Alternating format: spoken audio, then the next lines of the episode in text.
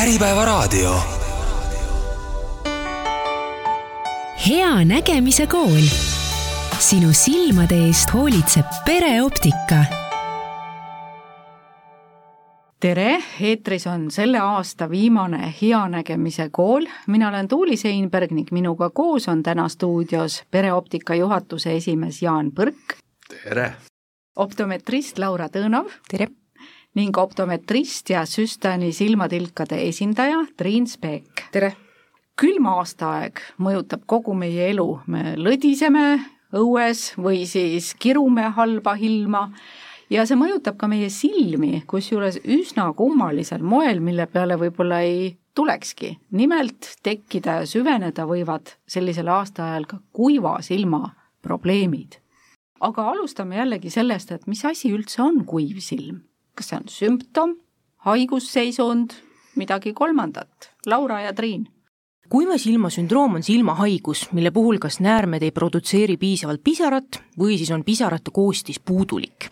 kui kuiv silm on tekkinud mõne muu teguri tagajärjel, näiteks glaukoomitilkade pikaajalisel kasutamisel, eh, siis võib öelda seda, et tegemist on sümptomiga või kõrvalmõjuga aga enamasti tegelikult ikkagi kuiv silm on selline põletikuline protsess, ehk siis silmahaigus. mina lisaksin juurde veel selle, et tegelikult ka nende silmaoperatsioonidega tekib äh, kuiva silma sündroom, et äh, eriti see, mis äh, me näeme praegu oma poodides kümme-viisteist aastat tagasi tehtud operatsioonide tagajärjel, on inimestel ikkagi punetavad ja kihelevad silmad, et proovime ka nendele juhtudele abi anda. aga Triin, ma küsin ka seda, kas selle sündroomi väljakujunemiseks kulub mingisugune aeg või ongi see, et hopsti, sündroom on kohal, et see meditsiiniliselt viitaks nagu sellisele pikemale protsessile? jaa, see on kindlasti pikem protsess, et alguses on ikkagi ajutised sümptomid ja kui need süvenevad või neid ei leevendata, keskkond on väga karm, on palju ekraanide kasutamist, kuivust, konditsioneeritud ruumis viit-, viibimist, autoga sõitmist, kus on väga kuum temperatuur, siis see süveneb ikkagi sündroomiks olen kuulnud ka sellist väidet sellistelt äh, vanemaealistelt inimestelt, et vanasti küll mingit kuiva silma ei olnud ja mingeid muresid, et see on mingi moodsa aja probleem, inimesed mõtlevad endale muresid välja. kuidas te seda kommenteerite? tegelikult naistel on ikka olnud äh, kogu aeg, et naised äh, meestele õnneks on vastuvõtlikumad sellele protsessile, aga, aga üldiselt sellest on lihtsalt vähem räägitud. Äh, ja tegelikult lisaks ka näiteks esineb rohkem üldhaigusi, mille tagajärjel kuiva silma sündroom võib tekkida, äh, samuti populatsioon vananeb ja nutiseadmete kasutamist on samat moodi ikkagi rohkem, see tähendab seda, et kuiva silma ikkagi rohkem nüüd juba on. mulle tundub, et see lähitöö üldse, et äh, vanasti ei olnud nii palju lähitööd kui praegu ja see lähitöö mõjutab tegelikult seda protsessi ka ehk siis vanasti see eluviis oligi teistsugune natukene ja teine asi, ma arvan, et võib-olla ei osatud ka seda diagnoosida või sellele tähelepanu pöörata, Triin? no just, et näiteks üheks kuiva silma sümptomiks on ju silmade vee jooksmine et inimesed ei pruugi seda mõista võib-olla kuiva silmana, aga tegelikult see tähendab seda, et lipiidikiht on pisarakilest katkenud ja vesi on lihtsalt välja aurustunud et äh, võib-olla ka seda tähele panna. enne kui sümptomite juurde läheme, tuleme korraks tagasi selle juurde, et äh, ma sain aru, et jällegi naistel on seda rohkem, mehed on kuidagi paremini pääsenud sellest. mis selle põhjus siis on, miks naistel on rohkem ja mis on nende selliste tekkimist soodustavate tegurite listis veel olulised asjad? naistel esineb ikkagi kuiva silma sündroomi rohkem sellepärast, et hormonaalne tasakaal kehas on teistsugune võrreldes meestega. küll aga lisaks on siis jah, väga palju põhjuseid, mille pärast kuiv silm võib tekkida. Nad on siis sellised keskkonnaga seotud või siis äh, tervisega seonduvad äh, põhjused. keskkonnateguriteks näiteks on madal õhuniiskus, ventilatsioon, tuul, kemikaalid, ka pidev arvutitöö ja kontaktläätsede kandmine sai ka mainitud näiteks äh, erinevad äh, silmahaigused või ka silmaoperatsioonid, mis seda silma võivad kuivatada. ja nii tegelikult nagu ka mainitud sai, siis enamasti kaevatakse seda kuiva silma probleemi talvisel kütteperioodil, aga ka suvel, kevadel allergia perioodil. ja tervislike teguritena võivad kuiva silma sündroomi tekitada erinevad süsteemsed või silmahaigused, ka ravimid, vanus ja sugu, nii nagu juba öeldud küll aga kõige levinumaks kuiva silma sündroomi põhjustajaks peetakse Meibomi näärmete düsfunktsiooni. Meibomi näärmed on rasunäärmed, mis meil asuvad silma üla- ja alalaugude sees ja need eritavad meibumi, millest moodustub pisara välimine lipiidkiht. ja see on see pisarakiht, mis takistab pisarate kiiret aurustumist ja hoiab selle pisara ühtlasena meie silma pinnal enamikul kuiva silmasündroomiga inimestel tegelikult esineb ka meibomi näärmetega probleeme, kas siis ummistusi või siis ka silmalaugude põletikku ehk siis blefariiti. Ma olen üldse aru saanud, et see pisar on selline nagu küpsisetort, et seal neid kihte on ikka rohkem kui üks, vist kolm kokku.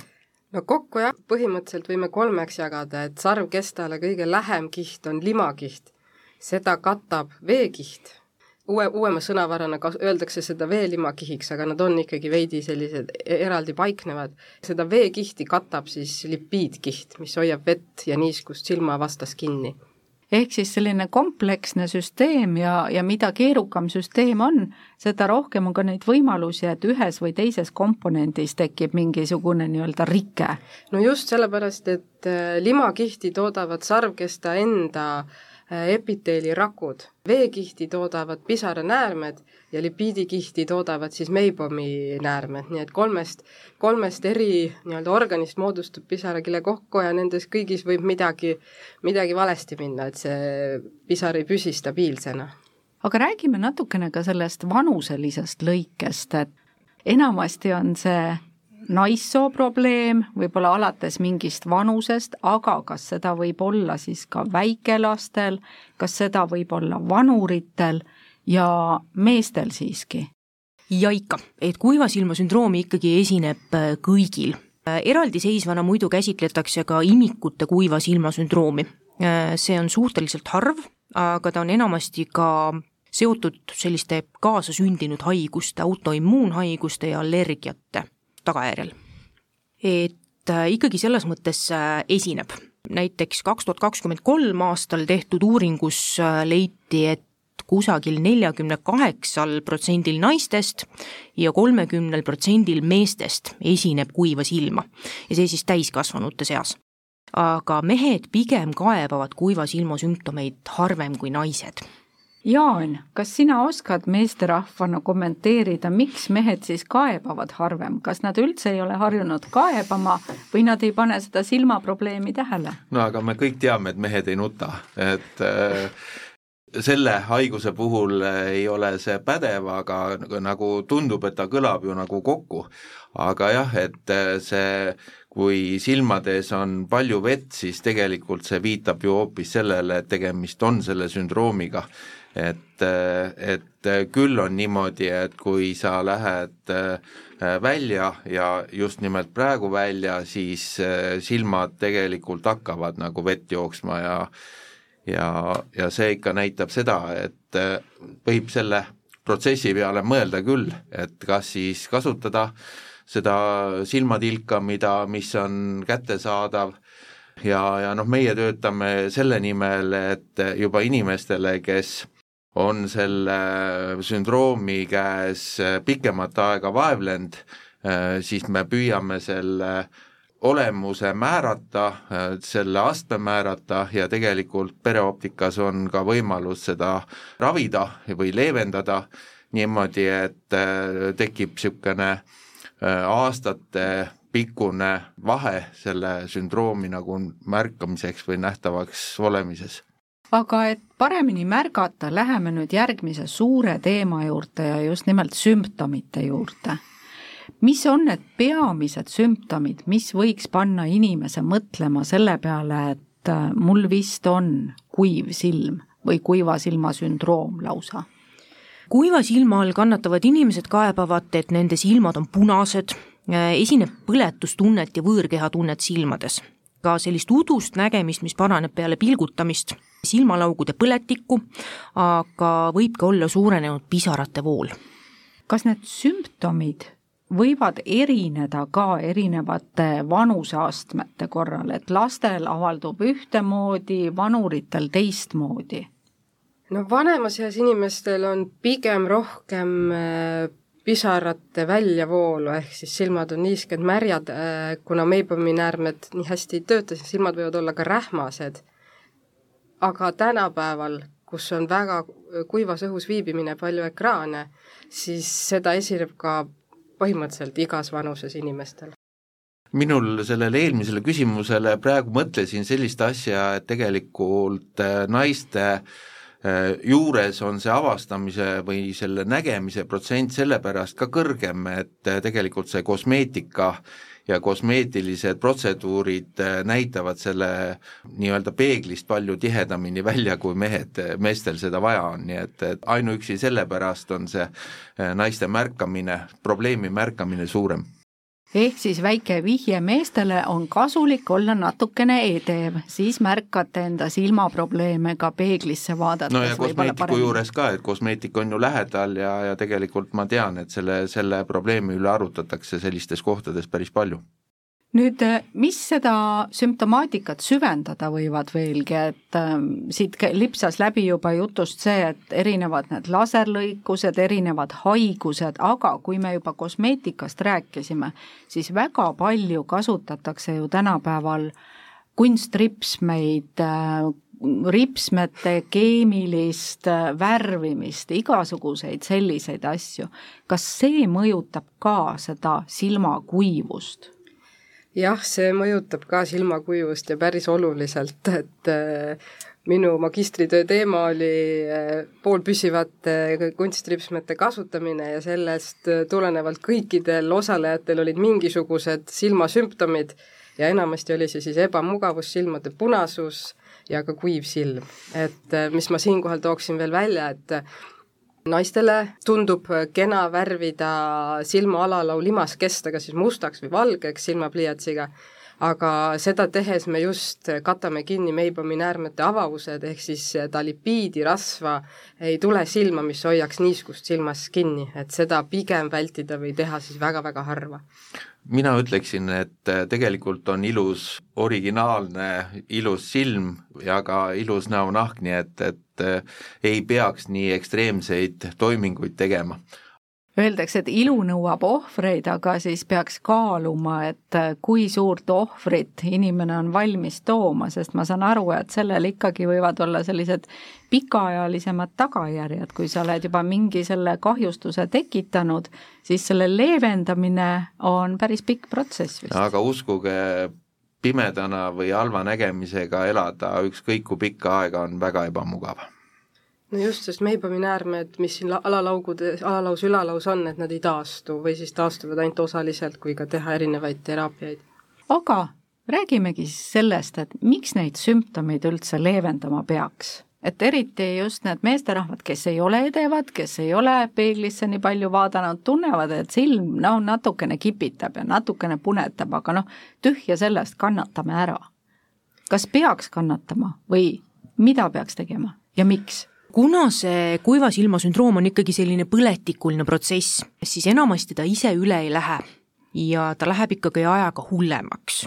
ehk siis pigem on teda lihtsam ravida või leevendada siis, kui ta on olnud pigem vähe aega ja kui on pigem sellised leebemad sümptomid no kuivas silmas ka silma hõõrdumine tõuseb oluliselt ja kui nüüd see hõõrdumine on väga suur olnud äh, juba pikemat aega, siis silm muutub igasugustele mikroobidele ja, ja, ja bakteritele vastuvõtlikumaks.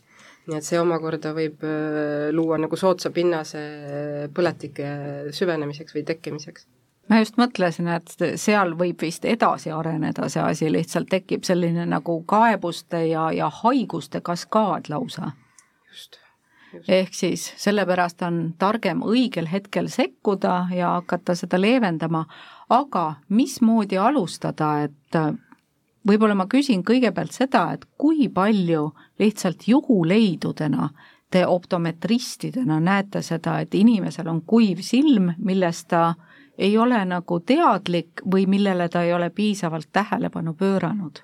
Ma arvan, et ikkagi piisavalt, ma ütleks, et äkki kuskil kolmkümmend protsenti kõikidest klientidest mina ütleks, et ka õiged prillid ja õige nägemise korrigeerimine vähendab seda ebamugavustunnet.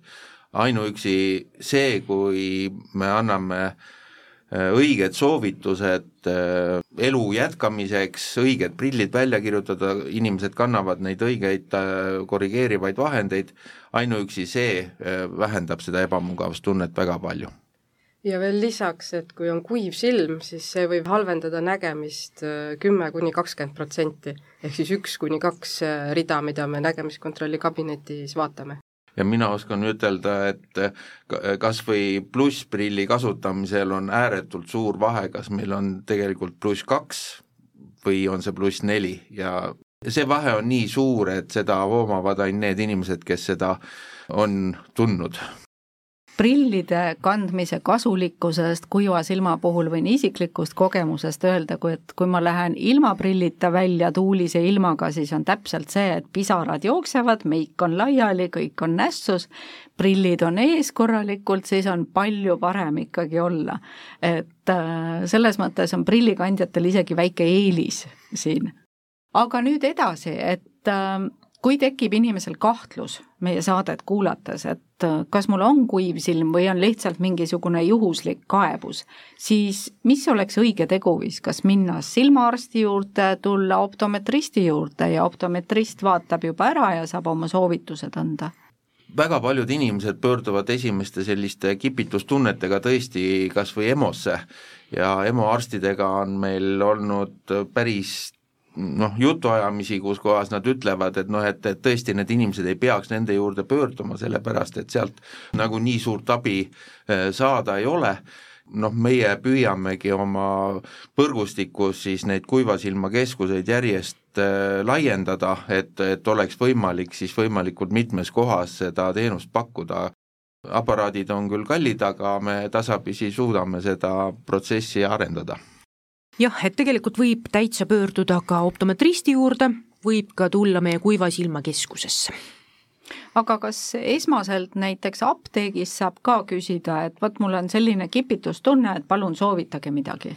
no eks väga paljud äh, tegelikult jõuavadki võib-olla apteeki kõige esimesena, see on nagu, nagu võib-olla loogiline ja, ja siis teisejärguna nad pöörduvad juba silmaspetsialisti poole. apteekides on ka vist tehtud neid äh, nii-öelda kuiva sirra, kuidas neid nimetatakse, seda, selle, äh, selle mingisuguse ribaga. Äh, ribaga nagu kontrollitakse ja see määrab tegelikult ju väga täpselt selle olukorra ära, kui, kuigi vist mitte kõike see Schirmeri test, mis, see on nüüd see riba, mis pannakse alalau vahele ja vaadatakse, kui kiiresti see märgub, et äh, mõnel inimesel, kellel see tekitab ärritust, siis ta võib saada väga hea tulemuse, aga kuiv silm jääb nagu tähelepanuta selle varjus lihtsalt. et äh, võib-olla jah, need aparaadid, millest sa mainisid, ma arvan, need on veidi täpsemad, mis näitavad kohe sarvkesta pinna ühtlust ja pisarajaotust jah, et see Schirmeri test pigem näitab seda, et kas meil kogu selliselt seda pisarat on aga pigem on tähtsam see, et kui hea kvaliteediga see pisar meil on. Just, kvaliteetsed pisarad tuleb endale hankida ja kui neid endal pole võtta, siis ma saan aru, et on võimalik ikkagi ka abi saada sellele, aga sellest me räägime saate teises pooles. üks küsimus enne väikest pausi veel, kas kuiva silma, kui see on juba diagnoositud ja see probleem on tekkinud, saab välja ravida nii, et kõik ma olen ravi läbi teinud ja iial enam seda probleemi ei tule.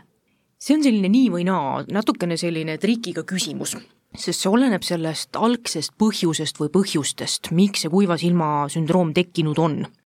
et kuna neid äh, tegureid, põhjuseid on hästi palju, siis see ravi võib ka olla siis pikem, aeglasem, raskem, tuleb ka teha erinevaid asju, et siis seda leevendust või ravi leida.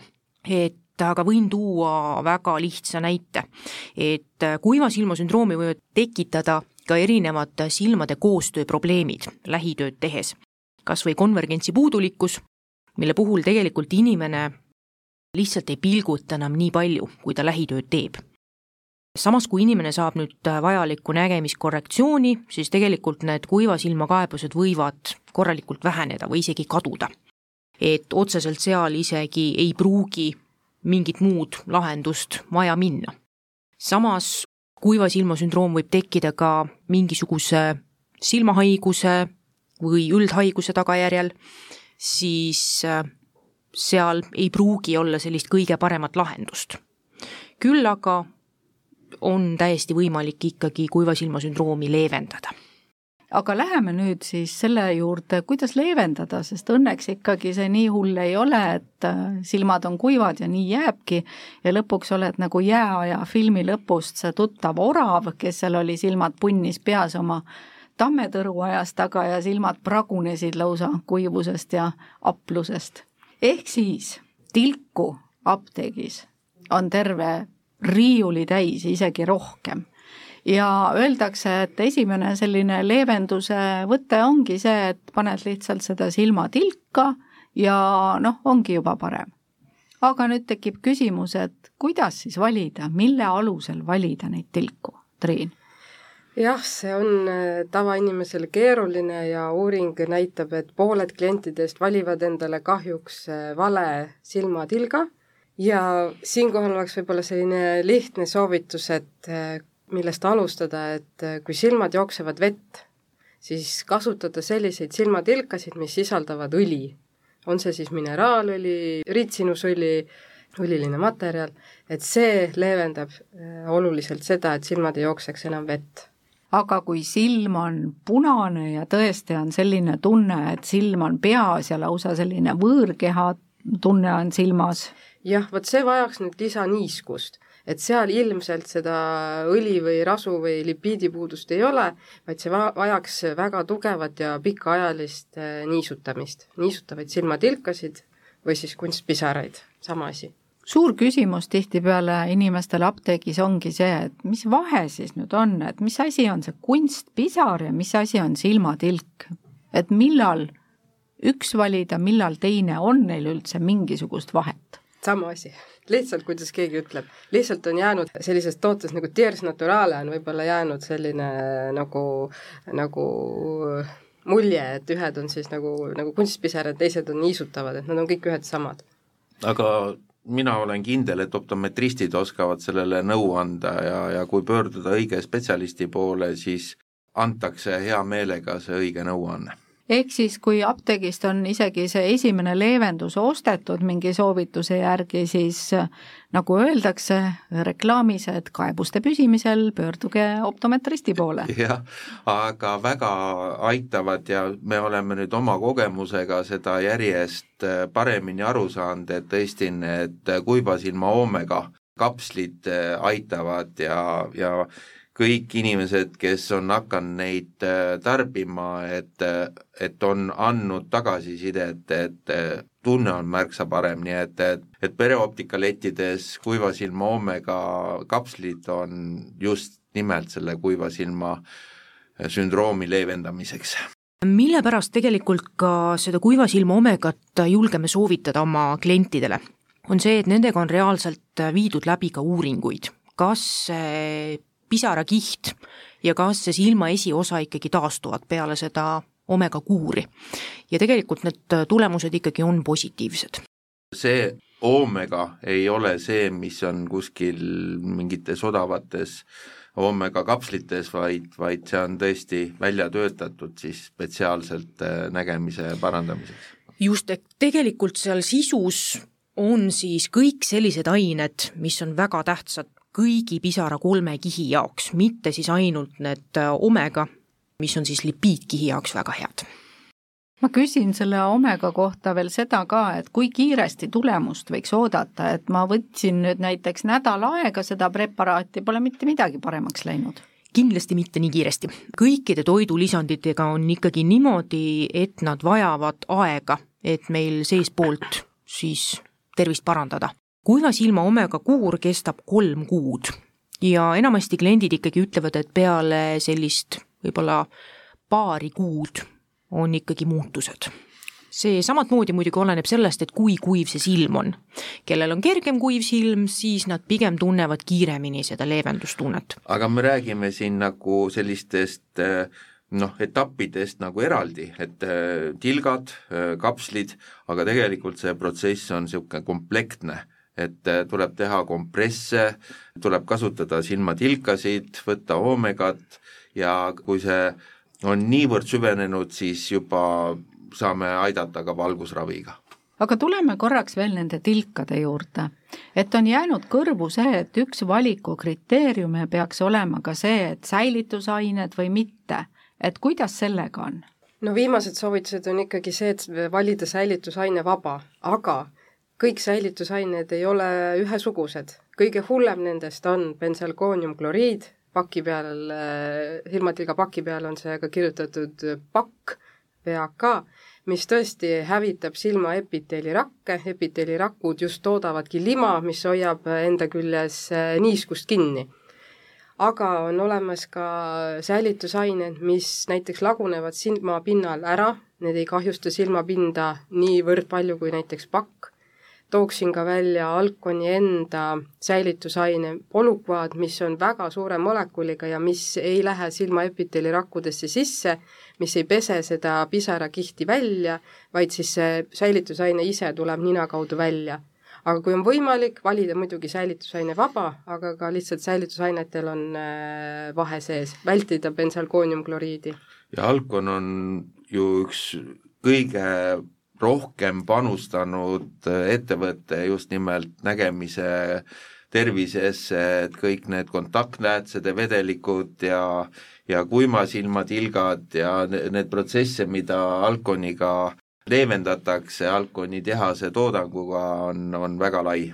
Me siin rääkisime natukene sellest, et äh, mida siis selle preparaadi valikul vaadata, et kui silmad jooksevad vett äh, rohkem, see on see sümptom, mille üle peamiselt kaeveldakse, et siis need õliga tilgad, äh, kui on selline kuivustunne, siis midagi muud kas on ka näiteks päevaks ja ööseks magamiseks mingisugused erinevad tooted, mida võiks kasutada või on üks silmatilk lihtsalt igaks elujuhtumiks? võib kasutada seda ühte, kui meeldib, kui aitab, võib panna näiteks süstaane ultrat ka enne magama minekut, aga on spetsiaalsed hästi keelistuvad tilgad, on süstaane keeltropsid mida on väga mugav kasutada, sellepärast et nad ei ole tuubis, nad on pudelis, üks tilk või kaks tilka mõlemasse silma ja alles silmas tekib see keelistumine. et ähm, neid kasutada siis, kui silmad on väga kuivad, kui on diagnoositud konkreetselt äh, kuiva silma sündroom, kui inimesel on näiteks olnud insult, et silmad ei sulgu enam päris täielikult või silmad vajuvad öösel lahti, inimesed näevad ka väga ärevaid unenägusid, siis silmad liiguvad äh, laugude all et, et ööseks oleks väga-väga kasulik kasutada niisutavat tilka. ja mis on muidugi ka hästi tähtis see, et mitu korda päevas me seda silmatilka paneme, et enamasti äh, sellised kuiva silma kaebavad äh, inimesed panevad silmatilka selline kuskil üks kuni kaks korda päevas. Tegelikult inimesed, kellel on väga kuiv silm, panevad kuiva silma tilka kuskil kakskümmend korda päevas. et äh, olenevalt muidugi tootest selline soovitus on viis kuni kuus korda päevas ikkagi silmatilka panna silma kas siis võiks olla näiteks, et tööl on kohe sul eraldi äh, pudelikene kuskil, et, et saad ka tööl panna endale või kannad käekotis kaasas või? no jaa, miks mitte, arvutiekraani kõrvale panna silmatilk ja lisan siia juurde, et Süstane Complete on äh, Äh, kõiki pisarakilekihte taastav silmatilk ja selle toime on kaheksa tundi. ja siis kui... peaks olema seal veel silt, et tuleb silma pilgutada ka. või ekraani et ilmub mingi teade, on ju. et äh, muidugi käekotti voodi kõrvale, et äh, arvuti kõrvale, raamatu kõrvale, muidugi aga nüüd on küsimus, et suur pere, näiteks on isa-ema, kolm last, kõigil on kuiv silm, natukene erinevad põhjused võib-olla ja enamasti on niimoodi paraku, et ostetakse ühed silmatilgad, siis need seisavad seal kapis, vajaduspõhiselt kõik kasutavad.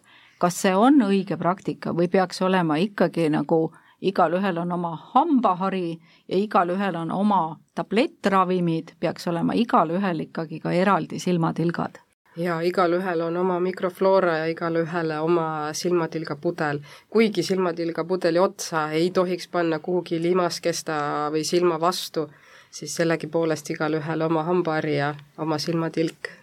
Nüüd natukene ka sellest, kuidas neid silmatilgapudeleid hoida, et tihtipeale on see säilivuse aeg sinna peale kirjutatud, aga olgem ausad, kes seda nii täpselt ikkagi jälgivad. et päris silmahaiguste ravimite puhul, et siis võib-olla vaadatakse rohkem, aga selliste kunstpisarate ja leevendavate vahendite puhul. No ega ei vaadata ja siis mõnikord need tilgapudelid seisavad kuskil soojas, mõnikord on külmas, temperatuurid vahelduvad, vahepeal on kuskil kotis, natukene lähevad mustaks. No näitekski praegu on väga külm ilm õues, siis tegelikult silmatilgad äh, tahaksid temperatuuri ikkagi vähemalt pluss kraa-, ka pluss kaks kraadi kuni siis kolmkümmend kraadi, et ikkagi toatemperatuurile, hoida kas või taskus keha vastas, et nad ei külmuks ära, et mitte unustada käekotis autosse, sest lihtsalt selle äh, lahuse kihid eralduvad üksteisest ja siis ei pruugi enam nii tõhusalt silmas toimida. Kas siis tuleks ära visata see pudel lausa? või on tõesti olnud näiteks öö läbi külmas, siis ja ära külmunud juba see lahus autos näiteks, siis tuleks ära visata ja võtta uus. See puudutab ka kontaktläätsede vedelikke, et, et kindlasti mitte kasutada neid, mis on äh, külma saanud siis on küsimus veel ka see, et kas on eraldi kuidagi laste silmatilgad, et kui me juba peredest rääkisime, ka selles vanuselises jaotuses, et lastele, meestele võib-olla mingi sellise ägedama pakendiga, et nad usinamalt paneksid neid silma, või on ikkagi lihtsalt selle probleemipõhine jaotus? probleemipõhine jaotus, et lastele eraldi silmatilkasid ei ole vanemad väga palju küsivad neid ja see kasutamine vanema vastutusel, vanem peab äh, vastutama selle eest, et laps õigesti kasutaks, et ta vaataks sellest äh, säilivusajast, peaks kinni. ikkagi sümptomipõhiselt on silmatilkade valik ja meestele pole ka sellist maskuliinse pudeliga sellist plokklääderi tüüpi silmatilka? võiks võib-olla olla ja,. jah, ei, see on äh, selle reklaami kasutamiseks päris hea idee, aga, aga mina pööraksin tähelepanu veel nendele maskidele, et tõesti, kellel see kipitus on, et need spetsiaalsed maskid õhtul silmadele peale panna, et need tegelikult leevendavad ka väga hästi. nüüd doseerimisest kas üks tilk ühte silma, teine tilk teise silma või võib silma lihtsalt üle ujutada? kuidas sellega on? ikkagi üks tilk ühte ja teine teise, mitte, mitte üle ujutada, sellepärast et sellega võib kaasa ujuda ka see alles jäänud hea pisarakile kiht, mis veel silmas oli. nii et ikkagi üks ühte ja teine teise. õige tilgutamine, räägime tehnikast natukene, sest et kui esimest korda silmatilka panna, siis inimene ei pruugi osata, üritatakse lihtsalt kuidagi õigesse kohta saada see, eriti kui iseendale panna. et mis oleks need head nipid ja soovitused siin? no kõigepealt pesta käed puhtaks, ennem kui asuda silmaga tegelema.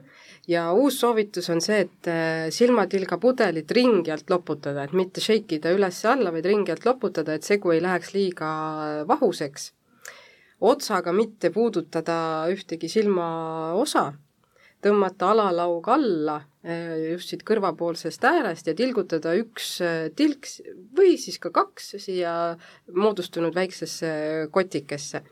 Ja pilgutada peale, peale tilgutamist äh, pilgutada viis-kuus korda, et silmatilgad leviksid laiali ja kes soovib, võib ka hoida nina poolt neid, neid pisara ärajuhte teid äh, kinni, et see pisar ei voolaks äh, kohe nina kaudu välja, vaid püsiks silma peal kauem. Ja uuemate, uuemaid silmatilkasid tuleb silma tilgutamisel pigistada, et kõik need, mis on säilitusaine vaba korgiga, siis neid tuleb pigistada, et mitte siis niisama enam kallata ehk siis sõrmega siia silma sisenurka natukene mm -hmm. vajutada, et ta siit välja ei tuleks. aga nüüd see säilitamine, et ähm, need uuemad, mis on siis, mida tuleb pigistada, kas need seisavad ka kauem? olenevalt tootjast, kuu, kolm kuud, kuus kuud, umbes nii peab lugema igaühe paketi pealt aga mis siis juhtub, kui panna sellist tilka silma, mis on avatuna seisnud juba üle selle aja ja inimene ei pannud tähele?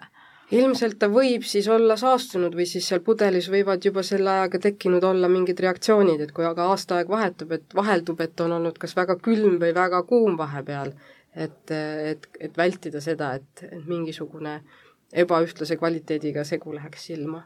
ehk siis mulle tundub, et mõistlik oleks sellele pudelile või siis pakendile peale märkida ka see kuupäev, millal avati, et päris silmarohtude puhul niimoodi tehakse, et et ka siis kunstpisarate puhul oleks täiesti otstarbekas.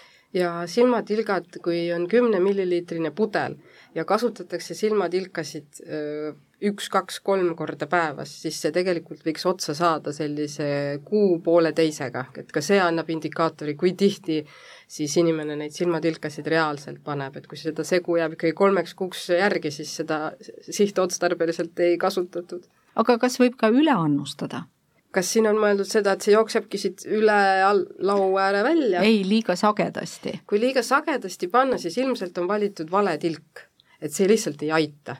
no vot, järgmine küsimus olekski olnud see, et kuidas aru saada, et tõepoolest see tilk sobib nüüd ja lahendab seda probleemi. ehk siis millal minna apteeki uue järgi ja valida midagi muud? noh, ongi, et äh, kui on äh, sellised kuivuse kaebused, ongi kipitus, ärritustunne, võõrkehatunne, ka kerge silmade punasus, siis võib eeldada, et seal on äh, niiskust puudu. Ja silmatilgad ongi jaotatud selliselt, et need, mis taastavad niiskust ja sellised, mis taastavad siis õli. Et proovida teisest kategooriast siis tilka, kui, kui see, see esmane valitu ei ole sobinud. Talvisel perioodil on selle õues oleva külmaga veel üks probleem, et näiteks näokreemide puhul soovitatakse ka kasutada kas sellist rasvasemat kreemi või siis kreem nahale kanda mingisugune aeg enne õue minekut, et külm ei teeks kahju. kas silmatilkade panekuga on sama, et, et vahetult pärast silmatilga panemist ei tasuks nagu sellise pakase kätte minna? võib minna, aga võiks, kui võimalik, siis viisteist mintsa enne väljaminekut panna, siis on juba silmatilk ühtlaselt jaotunud ja oma tööd juba teinud.